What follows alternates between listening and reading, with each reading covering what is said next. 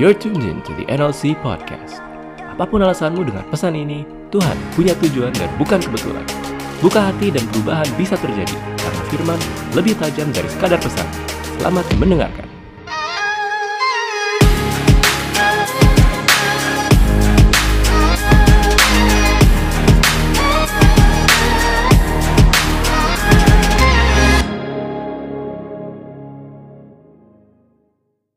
Firman Tuhan hari ini judulnya kosong. Ada hal yang menarik ketika saya tulis kosong dan saya show tadi, tiba-tiba yang melayani di belakang bilang, oh judulnya kayak hati gua kok, kosong. Oke okay, fine, masih bisa-bisanya pagi-pagi curhat gitu ya.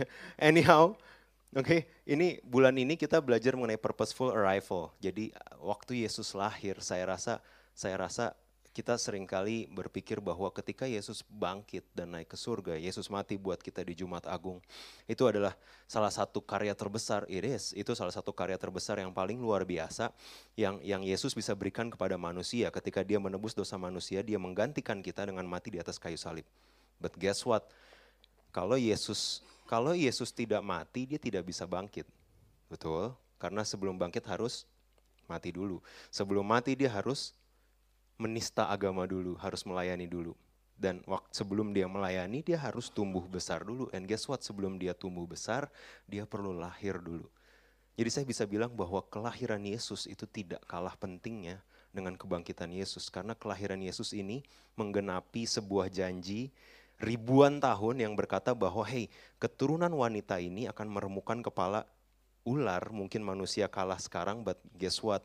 there's a beautiful redemption story, ada ada cerita penebusan yang begitu keren, begitu dahsyat yang akan terjadi dan terjadi di di di luar nalar, tidak terjadi di istana, terjadi di sebuah kan kandang.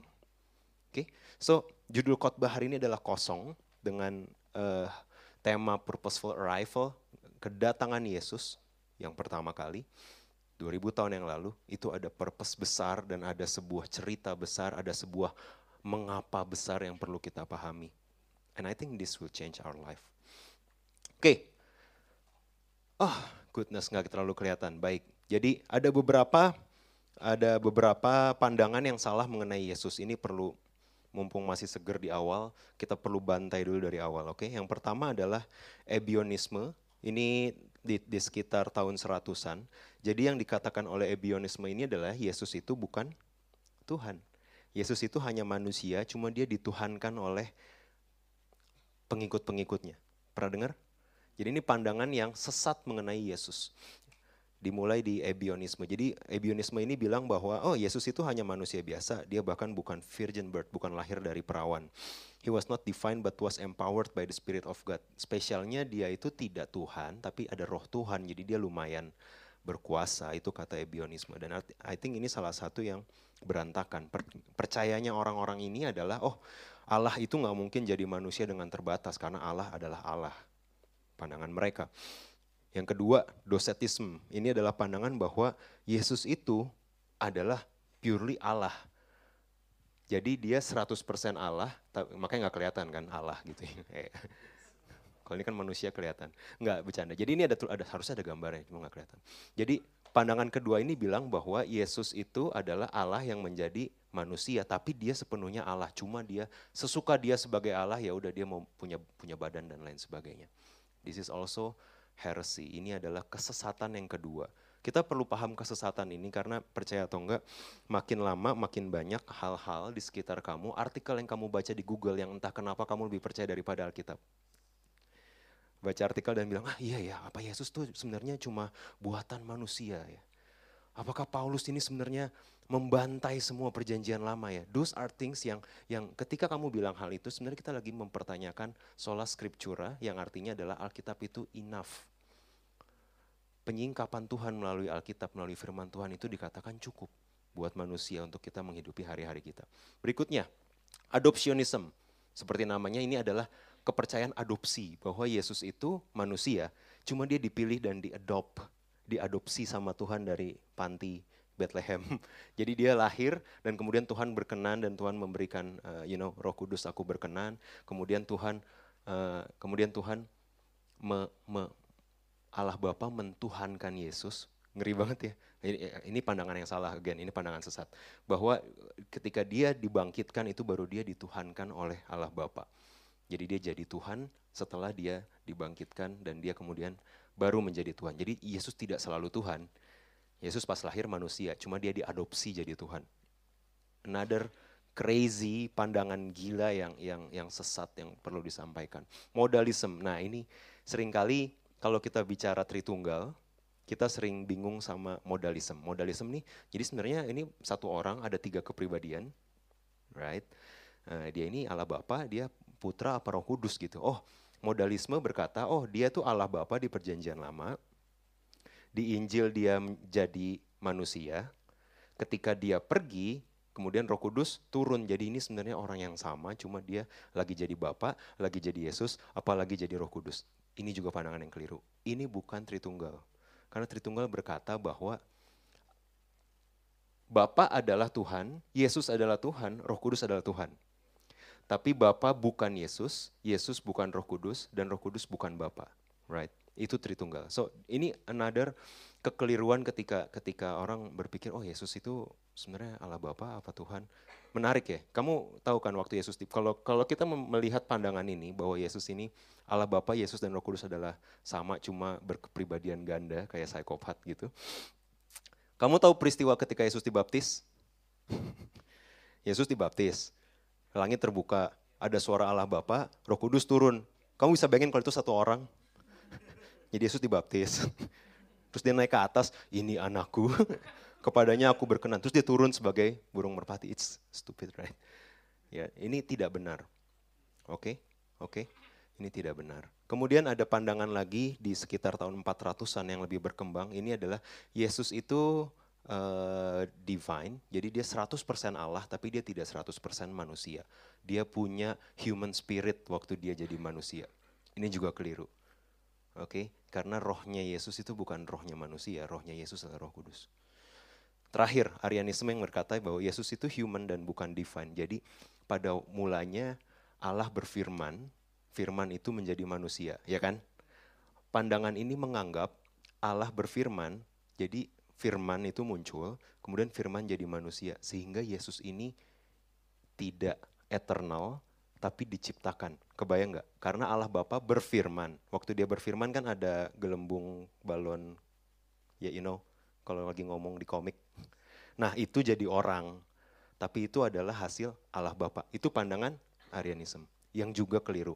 Saya menyampaikan pandangan keliru karena semakin kita tidak memahami hal ini, semakin mudah kita bingung dengan artikel-artikel yang dengan mudah kita baca. Oke, okay? so it's upfront. Yesus itu 100% Tuhan, 100% manusia. We good?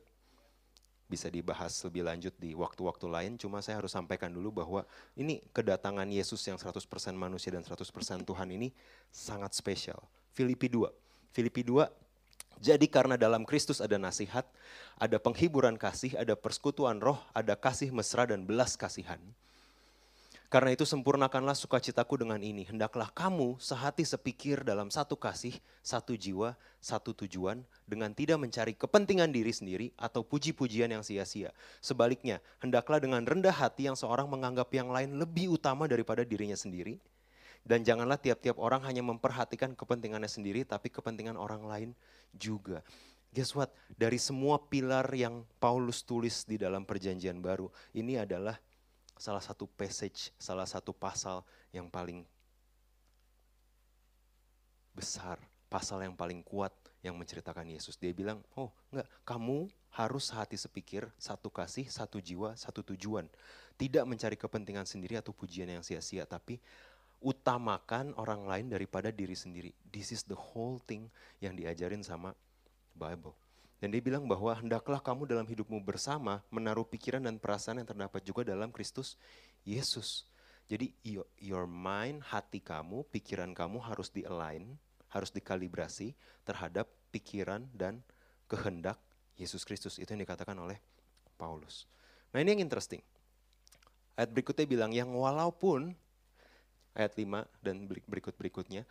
Walaupun dalam rupa Allah tidak menganggap kesetaraan dengan Allah sebagai milik yang harus dipertahankan, melainkan telah mengosongkan dirinya sendiri, mengambil rupa seorang hamba dan menjadi sama dengan manusia. Dan dalam keadaan sebagai manusia ia telah merendahkan dirinya dan taat sampai mati bahkan sampai mati di kayu salib yang paling hina. Itulah sebabnya Allah sangat meninggikan dia dan mengaruniakan kepadanya nama di atas segala nama. Supaya dalam nama Yesus bertekuk lutut segala yang ada di langit, yang ada di atas bumi, dan yang ada di bawah bumi. Dan segala lidah mengaku Yesus Kristus adalah Tuhan bagi kemuliaan Allah Bapa. Ini salah satu pasal di Alkitab yang in your face dia bilang Yesus adalah Tuhan dan semua akan bertekuk lutut. And this is crazy. Kenapa ini gila?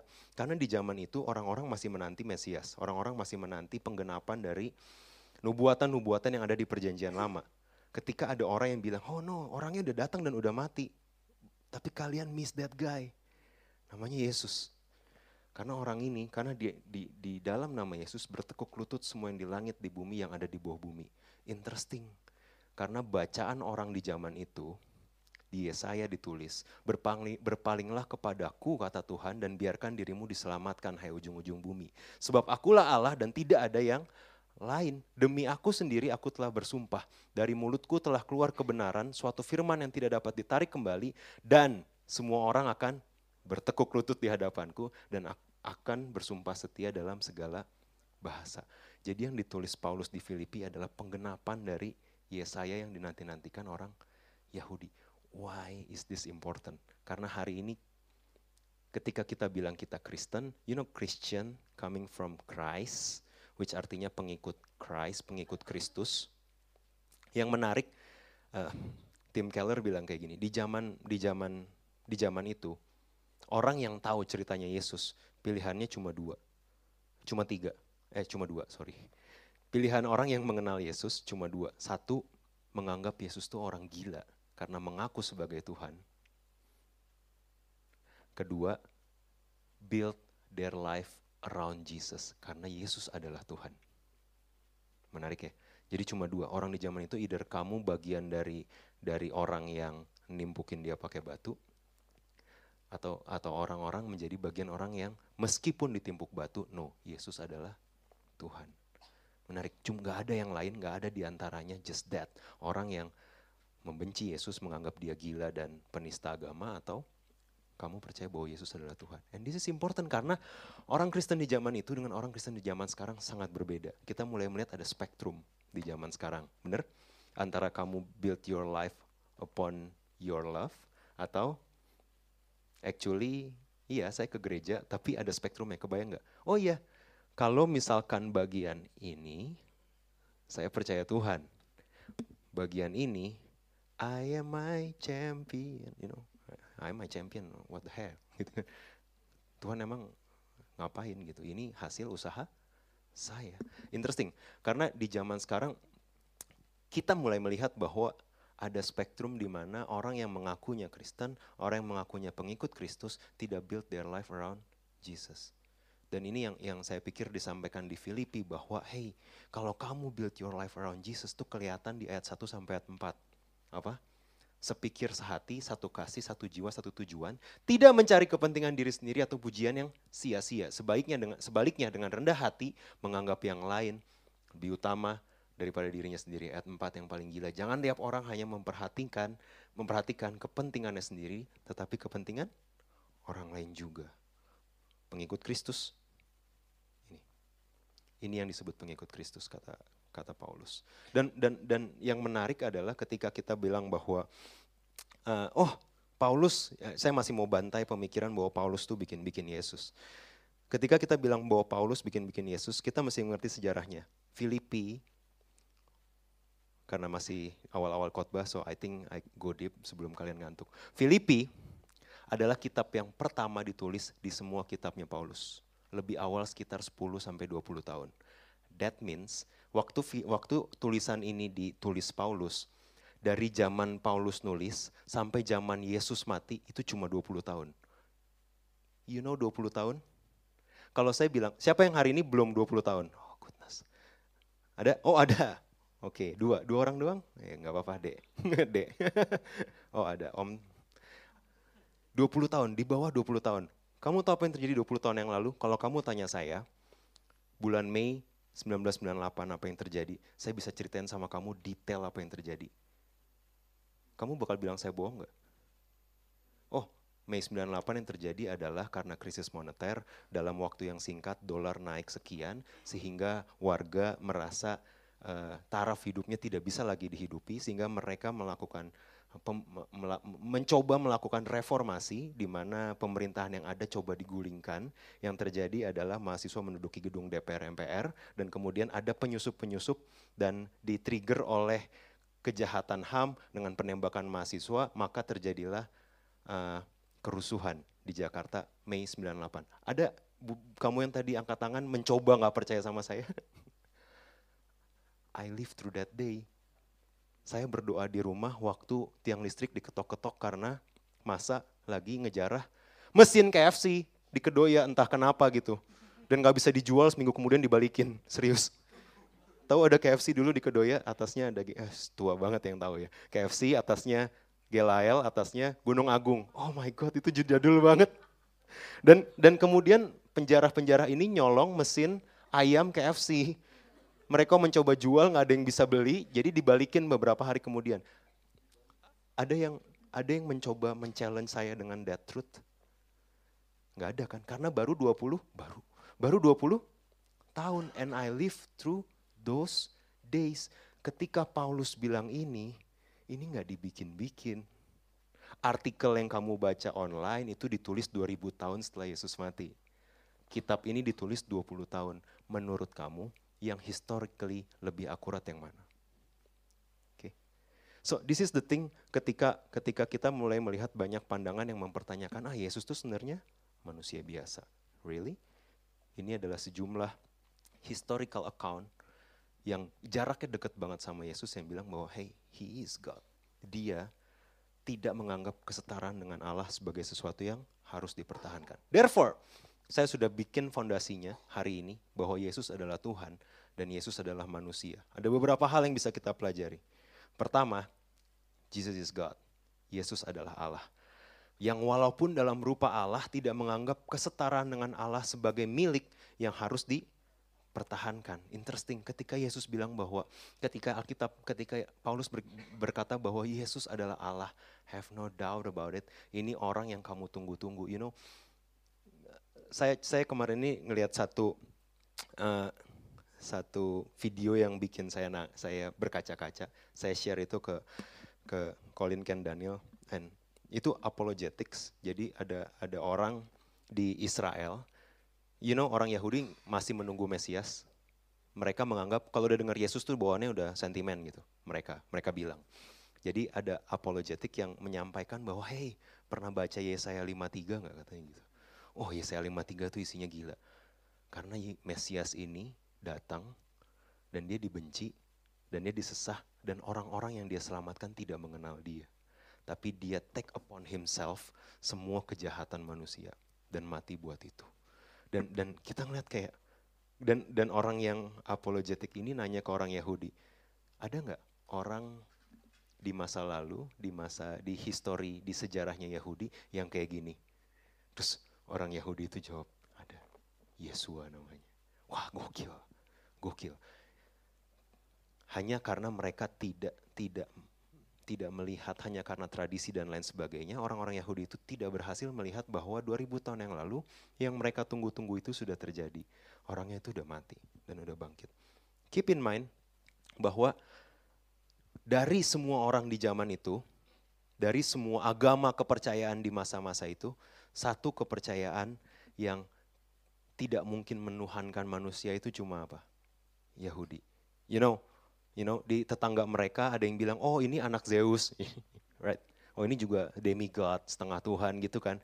Oh di agama lain ada yang bilang oh yang ini keturunan Tuhan ini kaisar adalah keturunan Tuhan. Right? Di di kepercayaan kepercayaan lain ada kayak gitu. Cuma satu yang purely penistaan kalau disebut manusia itu Tuhan yaitu orang Yahudi. Guess what ratusan orang yang pertama kali percaya orang Yahudi ketika Petrus berkhotbah di hari Pentakosta dan 3000 orang bertobat itu orang Yahudi. Mereka adalah orang yang paling gak mungkin percaya Yesus, but guess what? Mereka percaya Yesus adalah Tuhan. I think I rest my case, Yesus adalah Allah itu udah either, satu, dua hal sih, either ketika dibilang Yesus adalah Allah, cuma dua tanggapan setiap kamu, setiap kita. Either kita build our life around this guy yang adalah Tuhan, atau ini omong kosong. Ini cuma mengada-ngadanya orang buat nyari duit di tahun 600-an. Kan suka kan konspirasi kayak gitu. Oh tahun 600 ada konsili Nikea, mereka memilih-milih kitab dan lalalalala. Whichever, choose where you stand. Apakah Yesus adalah Tuhan and kita hidup berpadanan dengan Yesus yang kita sembah? Atau menurut kamu semua ini omong kosong and we can live our life dengan apa yang kamu percaya? Where are we? Yesus adalah Tuhan. Nah, yang menarik adalah ketika kita tahu bahwa Yesus adalah Tuhan, tiba-tiba, tiba-tiba semua janji dia itu jadi gila loh. Serius, ketika Yesus berkata, aku adalah roti hidup, aku ketika Yesus berkata, aku adalah roti hidup, Whoever comes to me will never go hungry. I am the living bread that came down from heaven. Whoever eats this bread will live forever. This bread is my flesh which I will give for the life of the world. Ketika Yesus bilang, tubuhku ini akan kupecah-pecahkan. Kalau kamu makan tubuhku, which means kalau kamu percaya di kalau kita percaya Tuhan bertekuk lutut dan mengaku, dia bilang bahwa hey, you will live forever. Kekekalan itu punya kamu. Kalau kamu meresponi kematian Tuhan. Ketika dia bilang aku adalah terang dunia. Interesting. Ketika Yesus adalah terang dunia, kenapa? Ketika Kristus bilang dia adalah terang dunia, kenapa beberapa di antara kita pasti bilang, eh gimana 2020? Tahu ah, gelap. Menarik. Pengikut Kristus yang adalah terang dunia, tapi kita live our life ketika orang nanya gimana kerjaan kamu, gimana bisnis kamu, gimana keluarga kamu, gimana hubungan kamu, jawaban kita, tahu ah, gelap. Tahun depan tuh gelap dunia akan semakin sulit. No, Yesus kita terang dunia. So we bring the light wherever we go. Kalau percaya Yesus adalah Tuhan. Right? Karena itu janjinya dia. I am the light of the world. Whoever follows me will never walk in darkness. Ah, semua yang mengikut aku tidak akan berjalan dalam kegelapan. Oke, okay? so jodoh tidak dalam kegelapan, right? bisnis tidak dalam kegelapan, pekerjaan tidak dalam kegelapan. Hey, kegelapan sama badai beda ya. Saya nggak bilang, oh kita akan semakin naik dan tidak turun kan. This is not that kind of message. Kamu akan melewati storm. 2020 mungkin akan akan ada musim-musim kering, tapi nggak dalam kegelapan karena terang dunia ada bersama kita. Ketiga, very truly I tell you I'm the gate for the sheep. I am the gate, whoever enters through me will be safe. Aku adalah gerbang yang masuk lewat aku akan selamat. Jadi siapa pun kamu, apa pun kehidupan kamu, kalau kamu percaya Yesus dan kamu melalui gerbang, oh aku adalah pintu, aku adalah jalan kata Tuhan. Oh ya, I trust you Lord, I give my life to you. Aku adalah pintu. Begitu kamu percaya, you enter. Kamu masih bego nggak? Emang dia dari domba, you know domba is very stupid right? Ketika dia masuk gerbang, terus dia jadi ular gitu. Oh now I'm cerdik, karena I ikut Yesus. But no, ketika masuk gerbang mereka tetap be, tetap bego. Karena Yesus gerbang. It doesn't matter lu bego, you are part of the kingdom now. I'm, saya gerbang kata Yesus. I am the good shepherd. Good shepherd lays down his life for the sheep. I am the good shepherd. I know my sheep and my sheep know me. Aku adalah gembala yang baik. Dombaku mengenal suaraku dan aku mengenal satu persatu dombaku. Pernah ada di hari di mana, you know, kamu nggak bisa ngobrol sama orang tua, you know, pacarmu entah ke mana, uh, teman homo sibuk semua, and you feel alone. Interesting, karena Yesus bilang aku adalah gembala yang baik. Kalau hidupku aja aku serahin. Mana pernah sih kamu sendirian? I'm a good shepherd katanya. The resurrection and life. I am the resurrection and life. Aku adalah kebangkitan dan hidup. Menarik kenapa banyak dari kita takut? Ma? Mati. Karena Yesus bilang dia adalah kebangkitan dan hidup. Kalau Tuhan mau bangkit, guess what? Kita juga punya kebangkitan dan kehidupan setelah kematian. Are we good? Interesting karena janji ini jadi janji hampa kalau kita nggak re revolve our life around this guy yang aku sebagai Tuhan. Berikutnya, I am the way, the truth, and the life. It's very clear, aku jalan dan kebenaran dan kehidupan. Tidak ada yang sampai kepada Bapa kalau tidak melalui aku. Menarik. Kalau kalau kita lagi jalan aja, menarik ya. Kalau kita lagi jalan ke tempat baru, siapa dari kamu yang hari ini kamu bawa mobil, kalau kamu ke tempat baru, kamu senang banget kalau alamatnya jelas. Karena kamu tinggal klik di that Google Map or Waze and you're fine. 80%, 90% nyampe lah. Kadang-kadang lewat gang yang entah kenapa mesti lewat situ gitu. Tapi kamu nyampe. Right? Right? Kamu pernah kamu panik gak ketika ada yang nelfon? panik karena koneksinya putus. Kamu bisa jadi kelewatan tikungan berikutnya, bener? Wah gara-gara lu nelfon gua, gue jadi 15 menit telatnya gitu. Masih nyalain lagi kan, udah janji telat gitu kan. Lu sih nelfon-nelfon gua, gue makin telat nih karena GPS-nya mati pas lu nelfon dan lain sebagainya. Menarik karena ketika kamu bu, ketika kita bawa mobil, kita nggak mau GPS-nya lepas karena kita nggak mau salah arah. Ada orang yang bilang, I am GPS of life. Tapi kok, ya, iya iya, Seminggu sekali lah, dua jam, 40 menit cukup lah. Sejam lama banget komeri khotbah melulu gitu ya. Capek dengernya gitu kan. I am the way, the truth, and the life. Kalau di jalanan kita panik, kehilangan GPS, why kita nggak panik ketika kita nggak tahu Tuhan maunya apa ya di keluarga saya, di hubungan saya sama Tessa. Tuhan maunya apa ya, saya di NLC kayak gimana. Tuhan maunya apa ya, saya di home. Tuhan maunya apa ya, saya di kantor. If we don't know, we should be panic. Karena I am the way, the truth and the life. Yang terakhir, I am the true vine. Siapa yang nempel sama aku akan ber, berbuah. Karena di luar aku kamu tidak bisa melakukan apa-apa. Ada pendeta favorit saya yang yang dengan pembahasan dia dia bilang di luar aku kamu tidak bisa berbuat banyak. Interesting konsep. But the truth is yang Yesus bilang di luar aku kamu tidak bisa berbuat apa-apa. So, ada orang yang bilang nempel sama aku, buah-buah kamu muncul semua kasih, kesabaran, sukacita muncul. Guess what? Kalau kamu nggak lagi punya kasih, nggak lagi punya kesabaran, nggak punya sukacita, jangan-jangan lagi nggak nempel. Thank you. Oke, okay?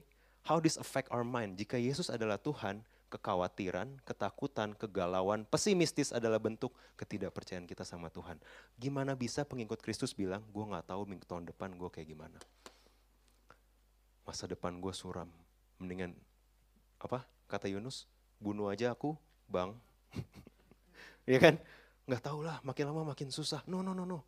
Pesimistis, kekhawatiran, ketakutan, kegalauan itu adalah bentuk ketidakpercayaan sama orang yang kurang banyak apa gitu janjinya. right? This is why di Roma 8 si penulis ini, si Paulus bilang kayak gini. Sebab itu apa yang kita katakan tentang semuanya, if God is for us, who can be against us. Jika Allah di pihak kita, siapa yang akan melawan kita? Orang ini nggak nulis gini ya, lagi sambil disesah, ditimpukin batu, kapal karam gitu kan. ya kan? Dia bilang, kalau God is for us, who can be against us? Padahal dia lihat badai lagi mau tenggelam, digigit ular. Dia digigit, you know, this guy uh, kapalnya karam, sampai ke pulau, puji Tuhan, lagi bikin perapian di gigit ular gitu kan. Siapa yang akan melawan kita? If God is for us, who can be against us? Ia yang tidak menyayangkan anaknya sendiri, tetapi yang menyerahkannya bagi kita semua, bagaimana mungkin tidak mengaruniakan segala sesuatu kepada kita bersama-sama dengan dia. Oh kita suka banget ayat ini, right? Allah turut bekerja dalam segala hal, tidak mungkin, bagaimana mungkin dia tidak mengaruniakan segala sesuatu kepada kita, you know, apartemen, tiga bedroom, Bagaimana mungkin Tuhan tidak mengaruniakan, mengaruniakan itu semuanya? Betul? Uh, uh, uh, financial freedom, investment, penghasilan sekian per tahun, kuliah di luar negeri. Oh, kita kita klaim bersama bagaimana mungkin Tuhan tidak mengaruniakan. Interesting. As we go, kita tahu bahwa kata kuncinya cuma satu kalau mau ke sini. Kosong. Yesus ditinggikan karena dia mengosongkan diri. Ketika kita tidak mengosongkan diri, ini bukan bagian kita. We learn. Berikutnya.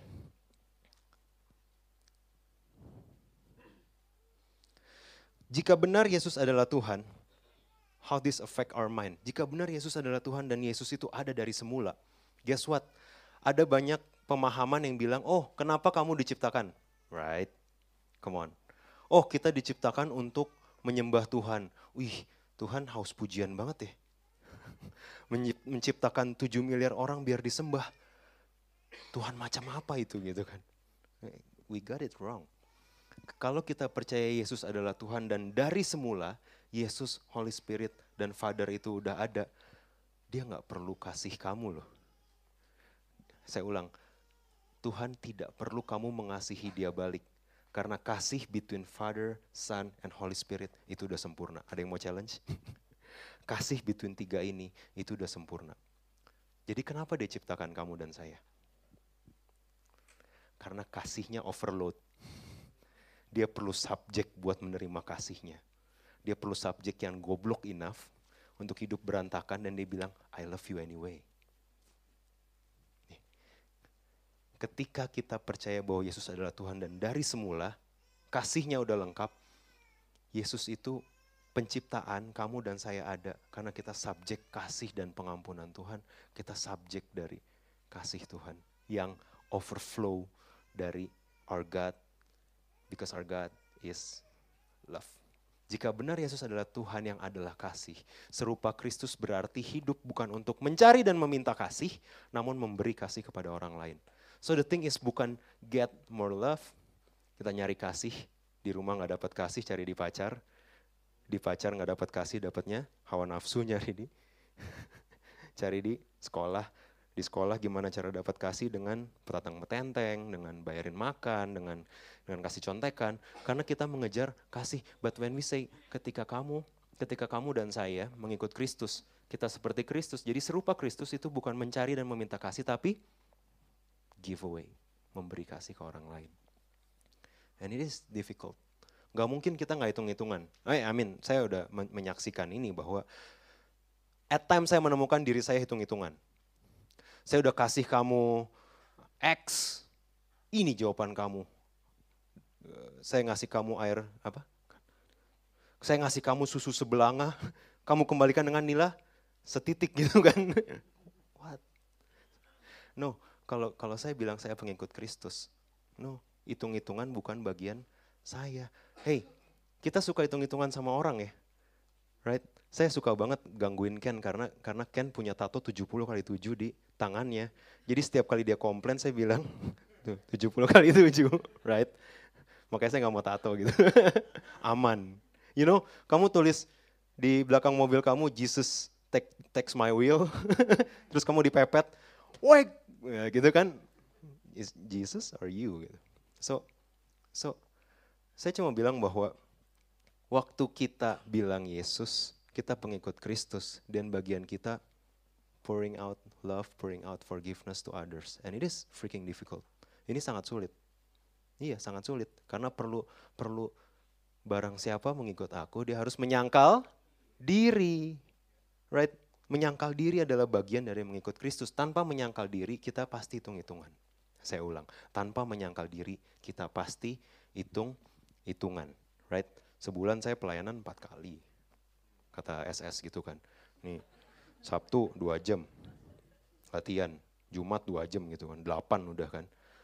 Uh, apa kuliah S2 teologi lagi kan. Sehari empat jam, empat kali lima weekdays, 20 jam. Ya Tuhan, orang-orang perpuluhan saya per empat puluhan gitu kata dia kan. Ikut komsel tiga, tiga-tiganya gitu. Selasa, Rabu, Kamis komsel gitu. Jumat doa sama Ken kayak, Tuhan I give my life to you. Ini jawabannya gitu kan. Eh, orang yang mengikut Kristus nggak hitung-hitungan sama Tuhan. Kita sangat bersuka cita bukan karena Tuhan tidak hitung-hitungan sama kita. Halo, siapa yang mau hitung-hitungan sama Tuhan? Tuhan saya janji nggak lagi. Kata kita di retret umur 13 tahun.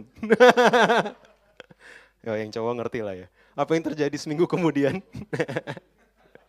Tuhan saya ampun, ampun Tuhan saya nggak mau lagi. Saya tulis nih di kertas dibakar, dibakar kan? Dibakar airnya nggak diminum. Airnya nggak diminum supaya nggak terjadi lagi kan? Dibakar aja udah, nggak usah diminum airnya. Guess what? Next week. Bersyukur nggak Tuhan nggak hitung-hitungan sama kita berapa banyak janji kita sama Tuhan yang kita bantai sendiri. Buat saya yang khotbah sebulan sekali, dari 12 khotbah itu, berapa banyak yang saya langgar sendiri. Bersyukur nggak kalau Tuhan nggak hitung-hitungan sama saya? Saya sih bersyukur, do you? Kalau Tuhan nggak hitung-hitungan, it's a good thing. Eh, kalau Tuhan aja nggak hitung-hitungan sama kamu, kenapa kamu hitung-hitungan sama orang lain? Itu buat saya. Lanjut, yang kedua, Yesus adalah Tuhan yang pertama. Yang kedua, Yesus adalah manusia. This is very interesting. Kalau kita cuma tahu ya Yesus Tuhan dan Yesus manusia, whatever itu kan kelas pendalaman di sebelah gitu. I don't care gitu. Nah, actually memahami Yesus Tuhan dan Yesus manusia bikin kita bisa mengkalibrasi pikiran kita sama pikiran Tuhan. Jadi gini, melainkan telah mengosongkan dirinya sendiri dan mengambil rupa seorang hamba dan menjadi sama dengan manusia. Nah ini ada garis, remind me untuk bikin garis lebih tebal next time. Ini ada garis, percayalah, ini ke kanan sama sumbu X dan sumbu Y. Oke, okay? sumbu Y adalah uh, pandangan bahwa kehidupan spiritual itu pen, penting. Sumbu X adalah kehidupan fisik, material itu yang penting. Nah, pengikut Kristus itu interestingly ada di sini. Maksudnya apa? Kalau kita memahami dunia sebagai, kalau kita melihat punya pandangan seperti pandangan agamawi, saya, saya ambil agamawi itu paling pas. Agamawi bilang yang penting adalah kehidupan spiritual, fisik nggak penting, betul? Maka beberapa kepercayaan, oh kamu bisa semakin sempurna ketika kamu melepaskan semua keinginan kamu akan hal duniawi, betul? Betul? Makin banyak yang kamu lepas, makin banyak hawa nafsu kamu kosong, kamu semakin perfect. Itu kata kepercayaan dunia. Itu kata religion views. Ada beberapa orang yang bilang bahwa oh yang penting itu adalah kekekalan dan bukan sekarang. Yang penting itu adalah spiritual life dan bukan ini cuma sementara. Hey, itu mengambil out of context. Saya ulang. Kalau kalau ada orang yang bilang, "Oh, kehidupan ini sementara, yang kedagingan ini sementara, yang penting adalah kekekalan dan kehidupan kekal." If that is the truth, kenapa Yesus nggak datang sedetik setelah dia naik ke surga? Bener gak? Think about it. Kalau misalkan yang penting adalah kekekalan dan orang-orang diselamatkan, kenapa Yesus berlama-lama, so to say, untuk datang kedua kalinya? Kalau physical life does not matter, kenapa dia nggak begitu, you know, favorit saya ilustrasinya, kenapa begitu baptis langsung mati, bener gak? Kan physical life nggak nggak matters, yang matters cuma spiritual. Daripada dosa lagi, ayo, lagi masuk kaya raja mikirnya bokep gitu kan. Ini mending langsung mati aja gitu kan, biar langsung masuk surga. Tapi enggak kan, karena apa? Karena it's not only spiritual life. Karena di kejadian satu, ketika Allah Bapa menciptakan physical matters, dia bilang apa? Tuhan menjadikan itu dan dia melihat ba baik. Ini bedanya. No, no. Alkitab kita dibuka dengan Allah Bapa menciptakan dunia dan melihat isinya ba baik dan di Wahyu ditulis akan muncul Yerusalem yang baru which is physical matters dan semuanya di redeem sama Tuhan. So physical matters itu penting buat pengikut Kristus. Artinya apa? Oh artinya gampang. Switch gear. Artinya kuliah kamu penting. Gimana kamu ngerjain tugas penting. Seberapa banyak browsing yang kamu lakukan di kantor penting. Seberapa banyak bagaimana kamu menggunakan uang penting. Because physical matter matters buat Tuhan. Dia mau meridim cara kita hidup di dunia fisik ini. Therefore kamu dan saya masih ada di sini. Therefore ada special objektifnya Tuhan buat kita. Bukan cuma spiritual, tapi hari ini, tapi besok, seminggu ke depan, 2020 penting. Karena ada rencana Tuhan buat keluarga kamu, buat NLC, buat buat ada rencana Tuhan buat keluarga kamu, buat NLC, buat hubungan kamu, yang kamu ikut serta atau tidak agenda Tuhan itu tetap berjalan, itu kepercayaan saya. Tapi kalau kamu bisa ikut serta, itu privilege. So physical matters penting, spiritual matters penting. Nah, yang hati-hati adalah ketika kita tidak lagi mencari Tuhan, physical matters jadi yang paling penting. Ini bedanya, right? Bedanya postmodern view berkata bahwa oh yang penting adalah apa yang kamu lihat. Jadi yang paling penting adalah seberapa besar valuasi pekerjaan kamu, seberapa besar income kamu, seberapa besar square meters apartemen kamu, seberapa cepat kamu lunasin apartemen duluan dibanding orang-orang seusia kamu. Halo, itu yang paling penting. Seberapa banyak follow, likes, subscribe di bawah ini, itu yang paling penting. Ketika kita berangkat ke postmodern view, kita lupa bahwa, hey, this is not everything. Itu benar. Ayat itu menjadi nyata bahwa yang kamu lihat cuma sementara. Kebayang ya, jadi buat pengikut Kristus, both sides matters. Nah ada nihilistic view, nah ini lebih bahaya lagi. Saya percaya kalau kamu duduk di tempat ini, at least nggak mungkin yang ini. Yang ini bilang bahwa segala sesuatu tidak ada Artinya karena kamu cuma monyet yang kebetulan jadi pinter, habis mati kamu hilang, so live your life the fullest yang kamu mau kayak apa. Ini nihilistic view. Nggak ada nggak ada value-nya kamu hidup karena habis ini juga kamu mati. Oh buat anak, anak kamu bakal mati. Terus bangun, oh bangun company ya, company kamu bakal ya. Bak, uh, universe ini dying, jadi someday bakal uh, matahari mati. Terus kalau matahari mati gimana? Percuma kan yang kamu bikin semua ini nihilistic view yang sangat pessimistic outlook on life dan ini mulai ada di more on the western countries.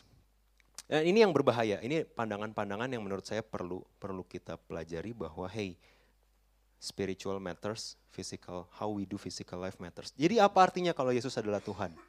Hmm ini ada garisnya. Ketika kita bilang Yesus adalah Yesus adalah Tuhan dan Yesus adalah manusia, guess what? Semua range apa judulnya? Apa judul film yang ada warna-warni itu? Emosi. In, thank you. Inside Out. Jadi ketika ketika ketika Yesus, ketika kita bilang Yesus 100% manusia, dia juga punya the whole range of emotional. Bukti. Yesus pernah marah, pernah disgust, disgust sama orang nggak, iritasi sama orang. Pernah, Markus 34. Kemudian katanya kepada mereka, manakah yang diperbolehkan pada hari sabat, berbuat baik atau berbuat jahat? Menyelamatkan nyawa orang atau membunuh?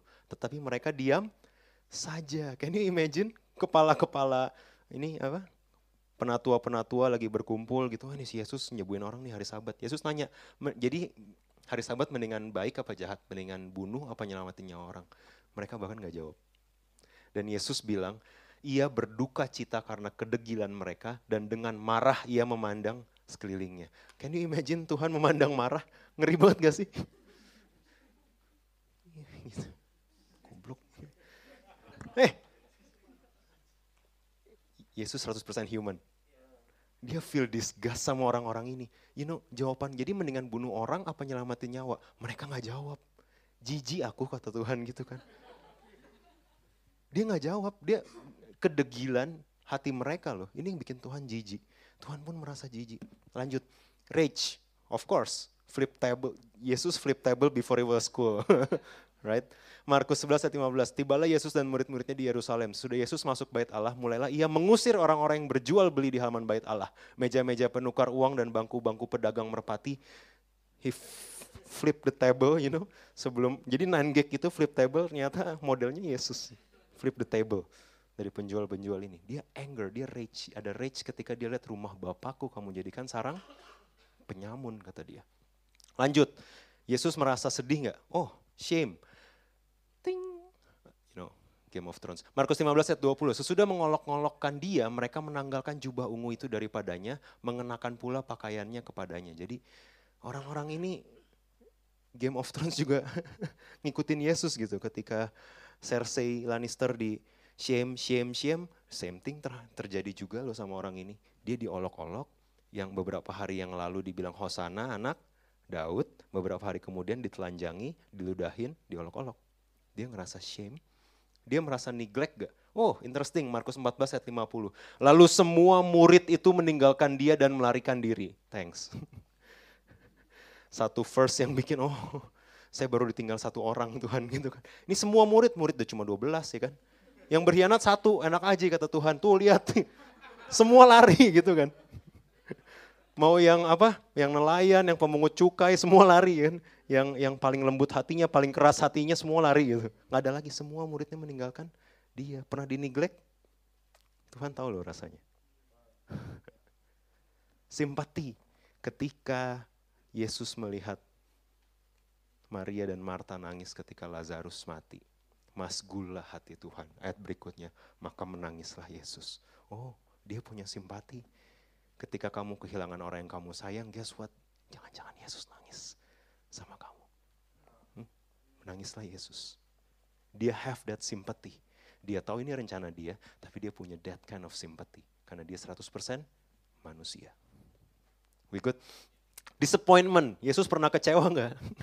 Lukas 9 ayat 41 ada ada ada yang kerasukan setan terus murid-muridnya nggak bisa bisa ngusir. Maka kata Yesus, "Hai kamu angkatan yang tidak percaya dan sesat, berapa lama lagi aku harus tinggal di antara kamu dan sabar terhadap kamu? Bawa anakmu itu kemari. Dia bilang, Yesus berapa lama lagi? Yesus yang, oh waktu dia pelayanan cuma tiga tahun loh. Oke, okay? Yesus pelayanan cuma tiga tahun. Dia nanya, berapa lama lagi aku harus ada di antara kamu? Kebayang gak? Bahkan pelayanan Yesus yang singkat aja dia masih mempertanyakan, ya Tuhan cepatlah aku pulang gitu. Capek gitu bebel banget gitu. Disappointment dia disappoint sama murid-muridnya terjadi juga. Fear. Yesus pernah ngerasa takut? Ya, yeah, I know ada ada medis istilah medis buat ini. Saya lupa tulis kayaknya Lukas. 22 ayat 42 bilang, "Ya Bapakku, jikalau engkau mau, ambillah cawan ini daripada aku, tapi bukan kehendakku melainkan kehendakmu lah yang terjadi." Maka seorang malaikat dari langit menampakkan diri kepadanya untuk memberi kekuatan. Can you imagine? Allah Bapa sampai kirim malaikat karena dia tahu ini terlalu gila buat buat anaknya. Nggak perlu ada malaikat buat, hey I'm here. Bahkan setelah malaikat hadir pun ia sangat ketakutan dan makin bersungguh-sungguh berdoa. Peluhnya menjadi seperti titik darah yang bertetesan ke tanah. Nervousness and horror. Yesus pun pernah ngelewatin ini loh. So, so the thing is, kayak saya kepencet. Boleh di show lagi? Oke. Okay. Hup, hup, hup. Oke, okay, jadi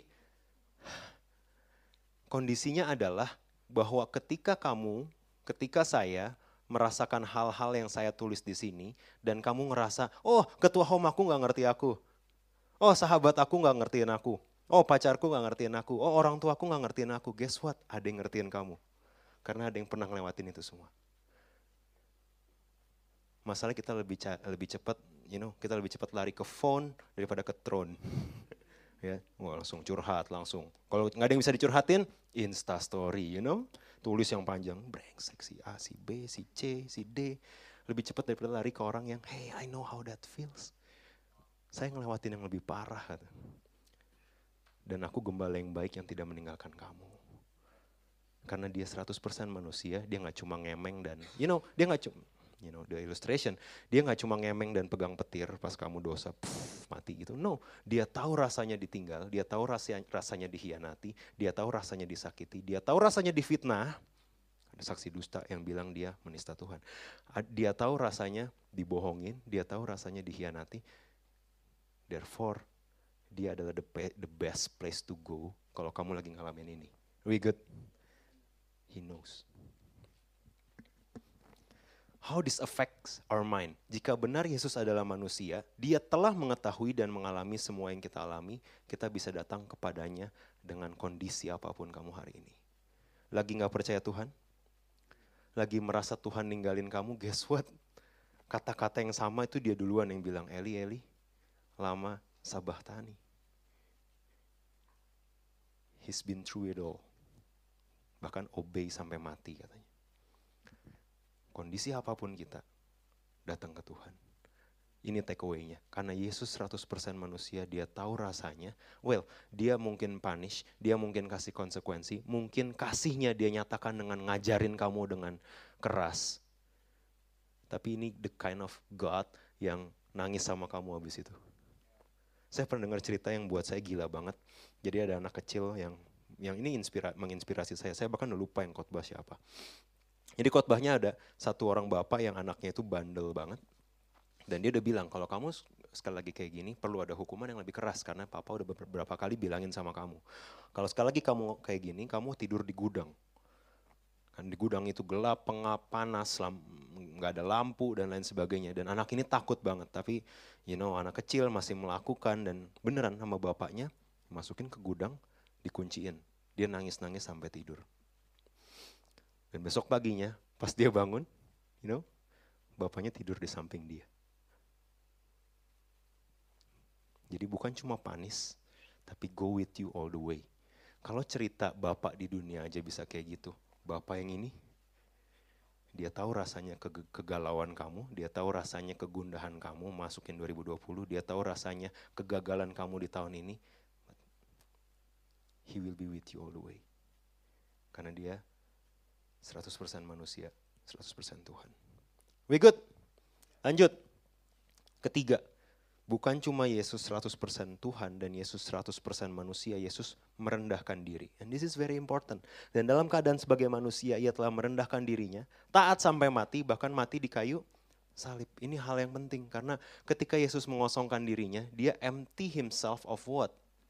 Ada tiga hal yang dia empty himself. Pertama dia tinggalkan kemuliaan Tuhan. Dia sebagai Tuhan dia tinggalkan singgasananya, tahtanya. Dia lay down his honor and stands as God kondisi dia bahwa dia adalah Tuhan tuh ditinggalin sama dia. Glorinya ditinggalin. Kedua, powernya ditinggalin. Otoritas, omniscient, omnipotent, omnipresentnya ditinggalin. Enggak, enggak. Yesus bukan orang yang omnipresent waktu dia jadi manusia loh. Iya dong, dia, I mean, you know, Yesus bahkan bukan orang yang kaya. Tahu nggak buktinya apa?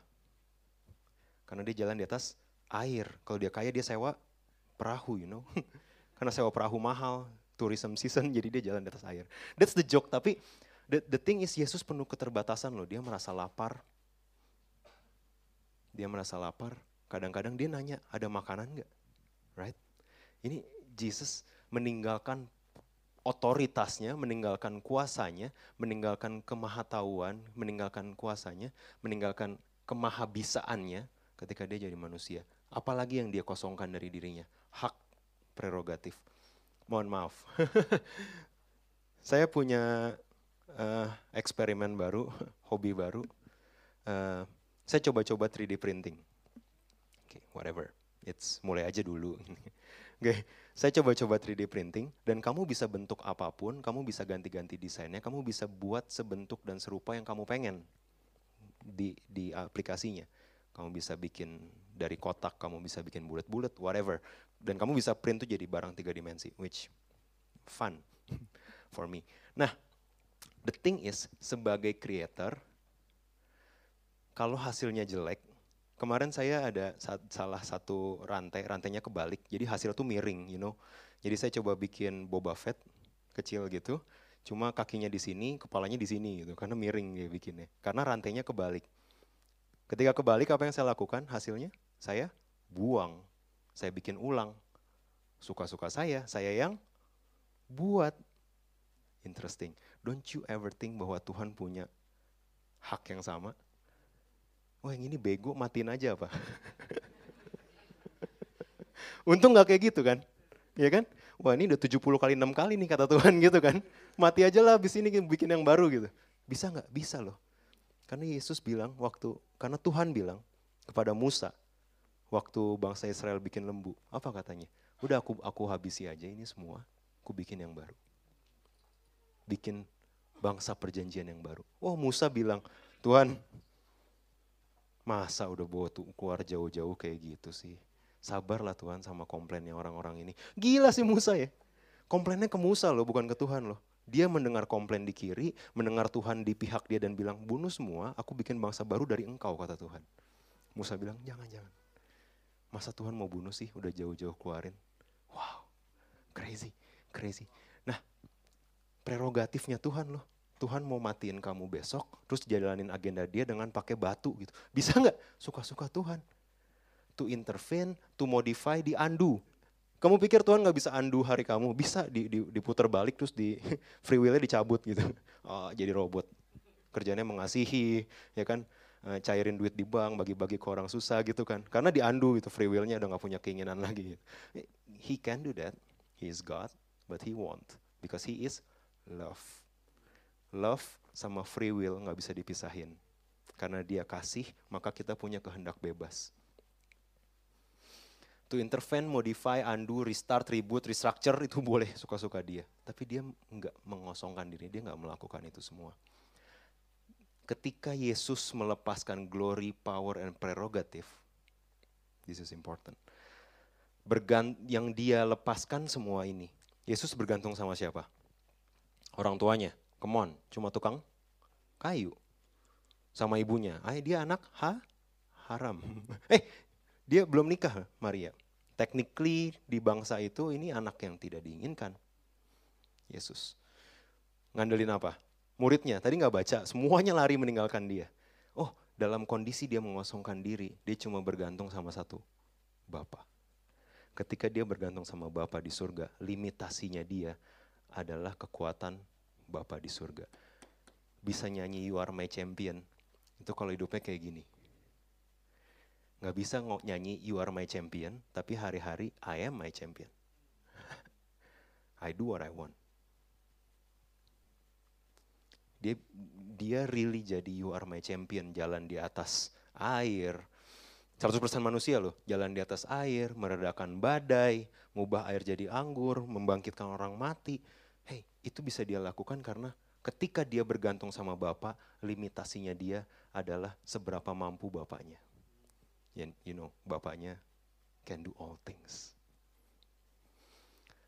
Interestingly, on the other side, oh, ketika Yesus mengosongkan dirinya, tidak menganggap kesetaraan dengan Tuhan sebagai sesuatu yang harus dipertahankan, kita meskipun kita tidak setara sama Tuhan, menganggap kesetaraan dengan Tuhan sesuatu yang harus dipertahankan. Iya dong, udah makan buah pengetahuan baik dan jahat.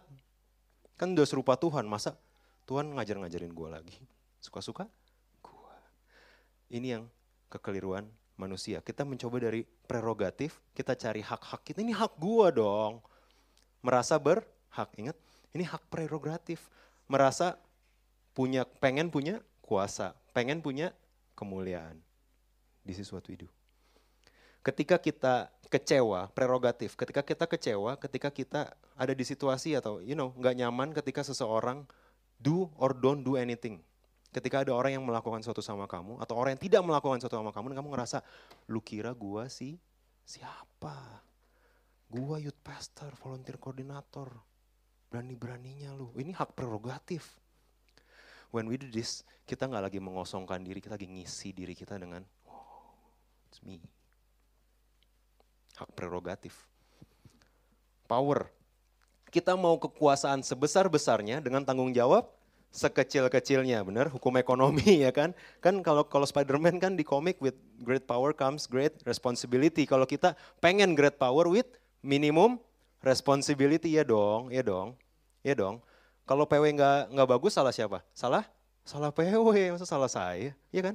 Oh saya maunya great power di tempat ini, saya maunya kebangunan rohani. Mau ikut doa nggak? Enggak deh, gue sibuk. Great power, minimum responsibility. Wah ini gerejanya nggak bener, wah ini NLC-nya nggak bener, wah PW-nya nggak bener. Lu jago main musik gak? Bisa sih gue. Lu mau pelayanan nggak? Enggak ah, PW-nya nggak bener. We want great power, we want great change, But we want zero responsibility. We want zero accountability. Ini yang berbahaya. Sama, sama. Terjemahin ini ke pacaran. We want great power with minimum responsibility. Oh, saya maunya hubungannya itu di level suami istri. Tapi komitmennya di level teman tapi mesra. Don't we do that? We want more power, we want kita mau kuasa yang lebih besar, kita mau uang yang lebih banyak, kita mau pacar yang paling cantik, yang paling ganteng dengan minimum accountability dan responsibility. Ini kita lagi berusaha naik jadi Tuhan. Glory. We want to have glory before man and God. Acceptance, achievement, award. Ujung-ujungnya yang kita kejar reputasi dan pencapaian. Oh iya, oh iya. Saya tipe orang yang uh, saya saya melihat diri saya setahun ini saya mengevaluasi diri saya setahun ini. Hal-hal teranxious dalam hidup saya ketika credibility saya sepertinya rusak. Baik salah saya ataupun bukan salah saya. Itu saya merasa, wah saya anxious. Saya sampai nggak bisa bedain, saya ini marah, saya ini sedih, saya itu uh, takut karena saya takut nggak bisa melakukan sesuatu, atau saya takut pandangan orang terhadap saya. Kadang-kadang saya takut karena saya takut pandangan orang terhadap saya yang saya amati dari hidup saya dan anxiety saya setahun ini. Jadi when I think, oh saya perlu acceptance orang-orang di kantor, saya perlu acceptance dari tim inti GB Sungai Yordan, saya perlu acceptance dari volunteer-volunteer teman-teman saya, saya perlu acceptance. Makanya saya berusaha punya achievement ini kayak balik ke pesan yang minggu lalu disampaikan ketika kita menggantungkan identitas kita sama this, ini gampang banget runtuh loh. Jangan berani-berani nyanyi You Are My Champion ketika kita bangun ini atas usaha kita sendiri. You. bukan Tuhan championnya. You are your own champion. Sewaktu kita meninggikan diri kita di atas orang lain dan Bapa, pekerjaan kita terbatas pada kemampuan kita sendiri. Seberapa jauh kamu bisa maju di kantor, seberapa seberapa seberapa komitmen yang bisa kamu jaga dengan pasangan kamu, seberapa setia kamu bisa di suatu pelayanan, kalau kita nggak bergantung sama Bapa itu cuma terbatas sama kemampuan kita sendiri. And guess what? Yohanes 15 bilang apa? Di luar aku, kamu tidak bisa melakukan apa-apa. We good? Oke, okay, lanjut. So, how this affects our mind? Jadi ketika kita tahu bahwa Yesus mengosongkan dirinya, merendahkan dirinya, artinya apa sih buat kita? Oh artinya gini, jika Yesus mengosongkan dan merendahkan diri, serupa Yesus berarti menghidupi apa yang Yesus sudah lakukan. Bahkan lebih melakukan apa yang Yesus katakan, melakukan apa yang firman katakan, lebih dari apa? Lebih dari kepentingan pribadi. Mengikuti Yesus merendahkan dan mengosongkan diri artinya kamu ikutin ini lebih dari kepentingan pribadi. Artinya apa? Oh gampang. Artinya ketika Alkitab ini bilang, seberapa banyak aku harus mengampuni? 70 kali 7. Hah? Tapi dia brengsek banget. Oh, oke. Okay. Kepentingan pribadi atau what the Bible says. Itu ujiannya. Oh, menghidupi apa yang Yesus teladani lebih dari kebiasaan pribadi. Oh, saya punya kebiasaan buruk yang saya perlu evaluasi dari kehidupan saya di tahun ini. Kadang-kadang, no, no, no. 50% of the time, saya tidak berpikir apa yang saya katakan ke orang lain. Ya, di mana-mana. Baik intonasinya, pemilihan katanya, dan lain-lain. Oh, apakah artinya, oh itu kan kebiasaan saya. Kalau lu jangan mau enak-enaknya doang dong dari gua. Kan gue udah bantuin lu, ya lu terimalah kekurangan gue, enak aja. Right? Itu artinya meletakkan kebiasaan pribadi di atas what the Bible says. Ketika saya bilang, oh saya mau serupa Kristus, artinya, oh saya tahu nih, saya tahu kebiasaan pribadi apa yang saya perlu bantai di tahun ini dan hidupi berbeda di tahun depan. Do you? Kita mesti punya at least I, I always think kita harus punya ini tiga kebiasaan, tiga dosa besar yang perlu kita bantai di 2020. I have at least one list, uh, one satu point. Do you? This is an invitation bahwa tahu nggak sih kebiasaan pribadi apa, kepentingan pribadi kita, apa yang hari ini kita hidupi sebagai our own champion gitu. Bukan apa kata firman, tapi apa maunya saya. Menghidupi apa yang Yesus lakukan di atas kelemahan pribadi, menghidupi apa yang Yesus lakukan di atas sukacita pribadi. Hmm. Saya bersuka cita kalau saya punya pasangan. Can we say that, hey, sukacita saya nggak ditentukan reksadana lagi naik apa turun? Sukacita saya nggak ditentukan saya masuk ke universitas itu atau tidak. Sukacita saya nggak ditentukan orang tua saya bertobat di 2020 atau tidak. Sukacita saya tidak ditentukan apakah saya bisa bayar kontrakan di 2020 atau tidak. Sukacita saya tidak ditentukan apakah saya menikah atau punya pacar 2020 atau tidak. Karena sukacita saya adalah Kristus. Then you sing, you are my champion. Halo. Lebih dari perasaan pribadi kita. Tapi kok enak banget dia ya kalau kita diemin aja. Gak, bokam guan. Cuan banyak dia. Dia seenak-enaknya gitu. Terus kita diem aja. Oh. Ih, mau jadi apa dia? Right? Perasaan aku bang. Injek-injek terus. Kan? Ketika mengikut Kristus artinya apa yang firman katakan. Oh yang menarik oh emang firman ngomong apa sih? I'm glad you ask. 1 Korintus 13, dibacanya terus-terusan gitu ya sampai kita sampai kita hafal. Loh memangnya firman bilang apa atas perasaanku ini? Perasaanku kan, ya gimana dong, aku juga gak mau kayak gini, tapi aku tuh ngerasanya begini tiap pagi, asik. Kalau kamu gak jawab aku tuh, aku ngerasanya gimana gitu, lonely. 1 Korintus 13, kasih itu sabar, kasih itu murah hati, ia tidak cemburu, tidak memegahkan diri dan tidak sombong. Tidak melakukan yang tidak sopan, tidak mencari keuntungan diri sendiri. Tidak pemarah, tidak menyimpan kesalahan orang lain. Tidak bersuka cita karena ketidakadilan, bersuka cita karena kebenaran. Menutupi segala sesuatu, percaya segala sesuatu, mengharapkan segala sesuatu, sabar menanggung segala sesuatu. Oh saya jadi keset dong, right? Kalau kamu baca ini sepotong, rasanya kamu jadi keset nggak? Karena kamu membiarkan orang lain walk over you gitu. Oh the thing is ada bedanya kamu jadi keset atau enggak. Bedanya apa? Satu, oh saya menghidupi kasih, saya menutupi segala pelanggaran, udahlah kamu lukai aja aku nggak apa-apa gitu. Nah, itu stupid. Aduh, dia sih emang abusive gitu ya sebagai pacar, cuma aduh nggak apa-apa deh kan kasih menutupi segala pelanggaran. Gila, gila, gila. Masih SMA udah pegang sana, pegang sini, pinjam duit sana, pinjam duit sini. Oh kasih menutupi segala pelanggaran. Stupid. Ada satu yang ngebedain, apa? Dependent on God. Ketika kamu berpegang sama Bapak, iya kamu mengasihi, tapi kamu juga punya hikmat bagaimana cara mengasihi yang benar. Gak ada rumus yang sama untuk setiap kita. Gak, saya nggak saya nggak nggak datang dan bilang, hey, uh, Elgwin ini 10 tips untuk 2020. This is how you should love others. Kalau saya bisa melakukan itu, kita nggak perlu Tuhan. The only reason kita perlu Roh Kudus setiap hari karena I I don't have the answer for you. I don't have the answer for you, I don't have the answer for myself.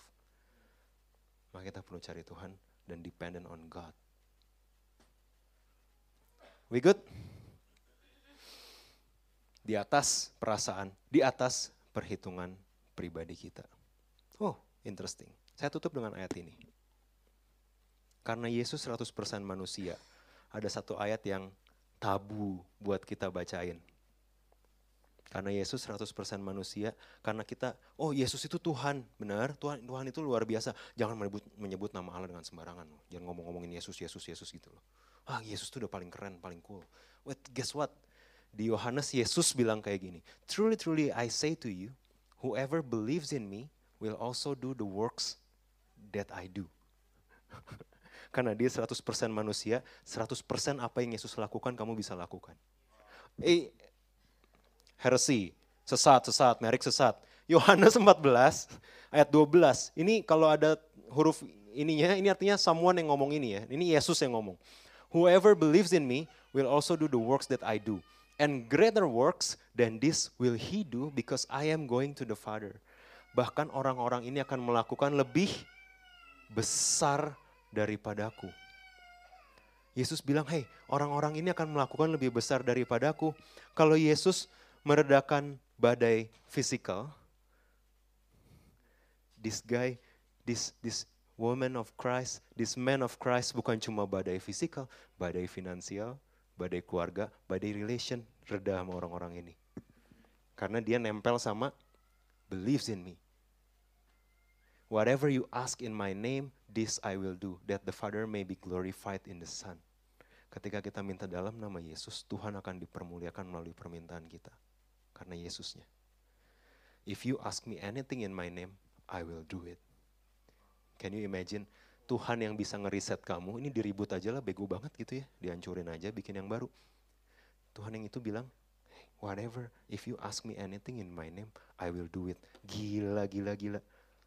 Servant King yang datang dan bilang, aku datang bukan untuk dilayani, aku datang untuk melayani. Perlu dia melayani kita? Nggak perlu.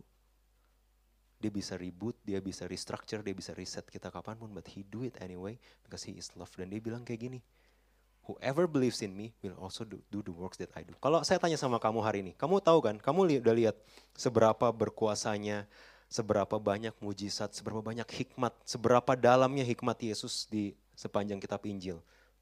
Udah aware kan ya kira-kira? Menurut kamu, if the same power ada di kamu buat masuk 2020, should we worried really? Should we worried tahun depan kerja di mana? Should we worried tahun depan bayar ini itu gimana? Should we worried tahun depan udah nikah atau belum? Should we worried tahun depan punya anak atau enggak? Should we worried tahun depan keluarga saya bertobat atau enggak? If that same power lives in you, if that same power, dia bilang, whatever you ask in my name, I will do. Tapi satu, kosong. Kalau kita nggak mengosongkan diri, yang kita minta apa yang kita pengen. Kalau kita mengosongkan diri, sama seperti Yesus, yang kita minta akan align sama apa yang Yesus pengen.